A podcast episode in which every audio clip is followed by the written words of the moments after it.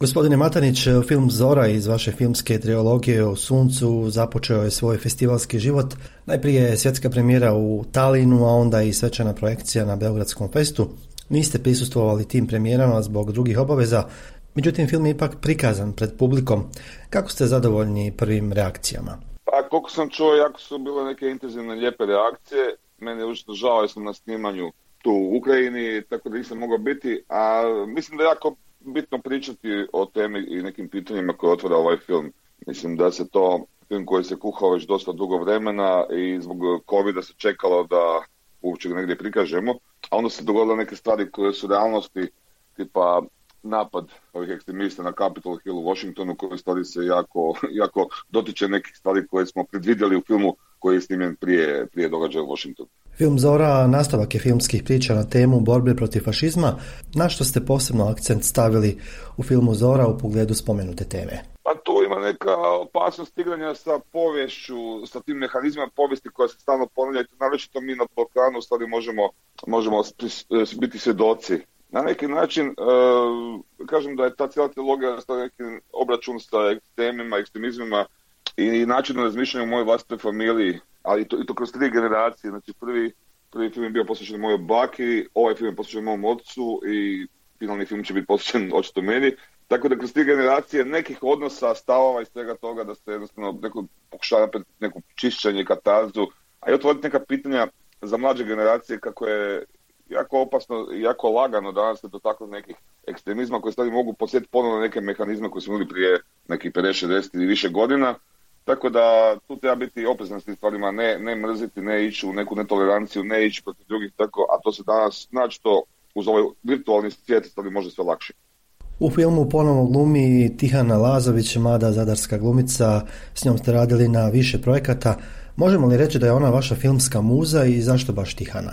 Pa Tihana je taj instinkt, jednostavno, ona je ta, to neko biće koje se metamorfozira, ima metamorfoze.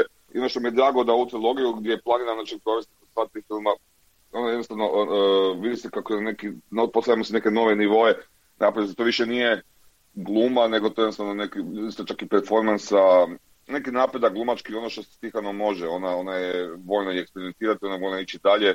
Sjećam se kad smo Zodu snimali, bili u Italiji pred italijanskom ekipom, koji smo bili gledali čudno koji su ovo lođaci, ono što je Tihana se radila, aj zajedno sa ostalim glumcima, sa Krešiminom Mikićem i Markom Mandićem, ali je Tihana, Tihana je osoba koja je spremna istraživati i spremno napredovati, a to je u svakom umjetničkom moga pozivu najbitnija stvar.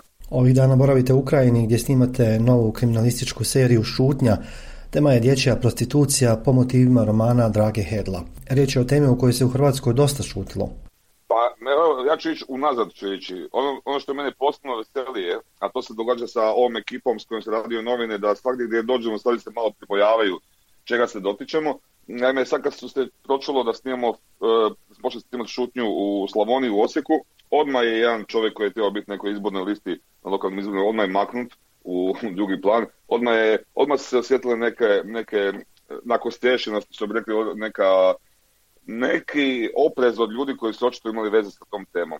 Ta tema je uh, vrlo mučna i vrlo zataškana. Ono što je, zašto se zove šutnja, je ta, ta duševna šutnja koja je nastupila, znači nakon što je objavljena informacija o novinama od Drage Hebla, sedam dana je to bila glavna vijest u državi, to je bilo šokantno, to se ovoga napadalo sve moguće tražnosti krivce i nakon sedam dana ništa.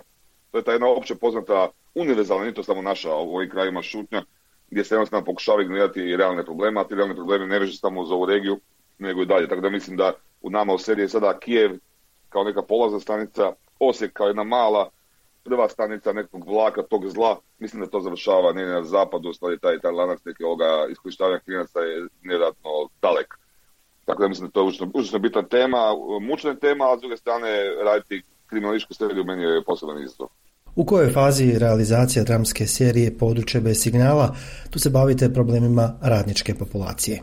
Da, područje bez signala, kako se ispostavila zbog ovog covid i zbog ovih svih varijanta, se jako približili stvari snimanje te dvije serije ostali trebalo biti puno razvojenije. E, područje bez signala prema knjizi Roberta Pedišića moglo bi ovoga razveseliti ili, ovoga, ili na nek, neki način e, neku melankoliju, neku nostalgiju dati ljudima svima koji znaju šta je, kakav je bio sistem socijalistički tvornice, radici, ta radnička klasa koja je nestala, ostali koja nestaje, neka stavi omaž to nekoj vrsti života, ne komunizmu, ničemu takvome, nego samo baš radicima i priča gdje dva, dva čovjeka hoće podići tvornicu i sad nekada će podižu ponovno život u jedno malo mjesto. To malo mjesto je univerzalno, može biti bilo gdje u ovim krajima. Mislim da će ljudi kad budu gledali seriju znati dobro ovoga o čemu pričamo, a imamo, imamo sjajnu pojadu glumaca. Znači imamo, imamo uh, Rene Bitorajca, Krešimira Mikića, Jovan Stojiković iz Beograda, imamo Izu Bajrovića iz Sarajeva, Gorana Bogdana i normalno Tihanu Lazović. Prilično ste zaposleni redatelj, dosta snimate s obzirom na teška vremena zbog pandemije. Jesu, da, teško su vremena dosta i ovoga i baš, baš je gadno, ono, jako je teško i snimati u samoj koroni, moram priznati, stalo se, stalo neki glumac uh, bude pozitivan sad ono za ovo, pa što koliko 7, 8, 10 mjeseci, stalno neko bude pozitivan pa morate odgađati, morate ovo. Mislim, svi su sretni da rade, to je jako bitno raditi jer vidimo kad je počeo ovaj lockdown i korona da stvari, da je kulturni sektor nije baš na nekoj ovoga visoko na ljestvici ovoga prioriteta, ali, ali s druge strane dobro je da se radi i guramo tako da, eto, ono, ja se nadam da će se to malo sad smiri, da će biti još više produkcije, da se može raditi normalno. Čest gost u Sarajevu na filmskom festivalu, dobili ste i srce Sarajeva za vaš kratkometražni film Tulum, e, Bosna i Hercegovina i njena kinematografija. Ove godine imala je sjajan uspjeh nominaciju za Oscara za film Kova Saida. Kako to komentirate? Pa to je, to je genijalna stvar bila ovoga. Mada ja stalno govorim da, da ljudi stalno gledaju kroz nek... Nije umjetnost, nisu umjetnost nagrade, nisu umjetnost bodovi ili neko natjecanje. Ono što je najbitnija stvar po meni je da je Jasmina snimala film o sebi to je užasno bitna stvar, da je, da je snimljen film o takve teme, o takve teme se jednostavno mora snimiti film. Ovaj uspjeh koji je došao kasnije je fenomenalan, tako da to, to su stvari gdje treba biti užasno ponosan. Ne, ne kukat, ne optuživati, ne to, nego jednostavno, ja sam snimala film o Srebrenici, ta, ta tema se jednostavno morala snimiti i to je veliki, veliki uspjeh. No ipak se mora priznati da nagrade i festivali e, daju dobru promociju u filmu.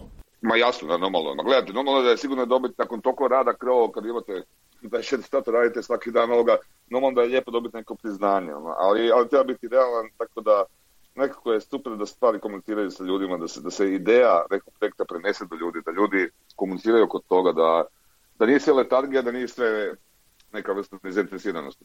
Kakvi su vaši daljnji planovi što se tiče filmskih projekata i serija, što možemo očekivati od vas ovo ljeto? Pa ja, moj, moj, moj plan je ovoga da sada kad završimo s time da osim normalno postprodukcije ove dvije serije koje bi se htjela prikazivati ovu jesen i početkom iduće godine, ali moj je plan napokon da uzmem svoje djece i da se malo odmorim, bilo bi vrijeme, ja mislim. Gospodine Matanić, hvala vam puno na razgovoru. Hvala puno.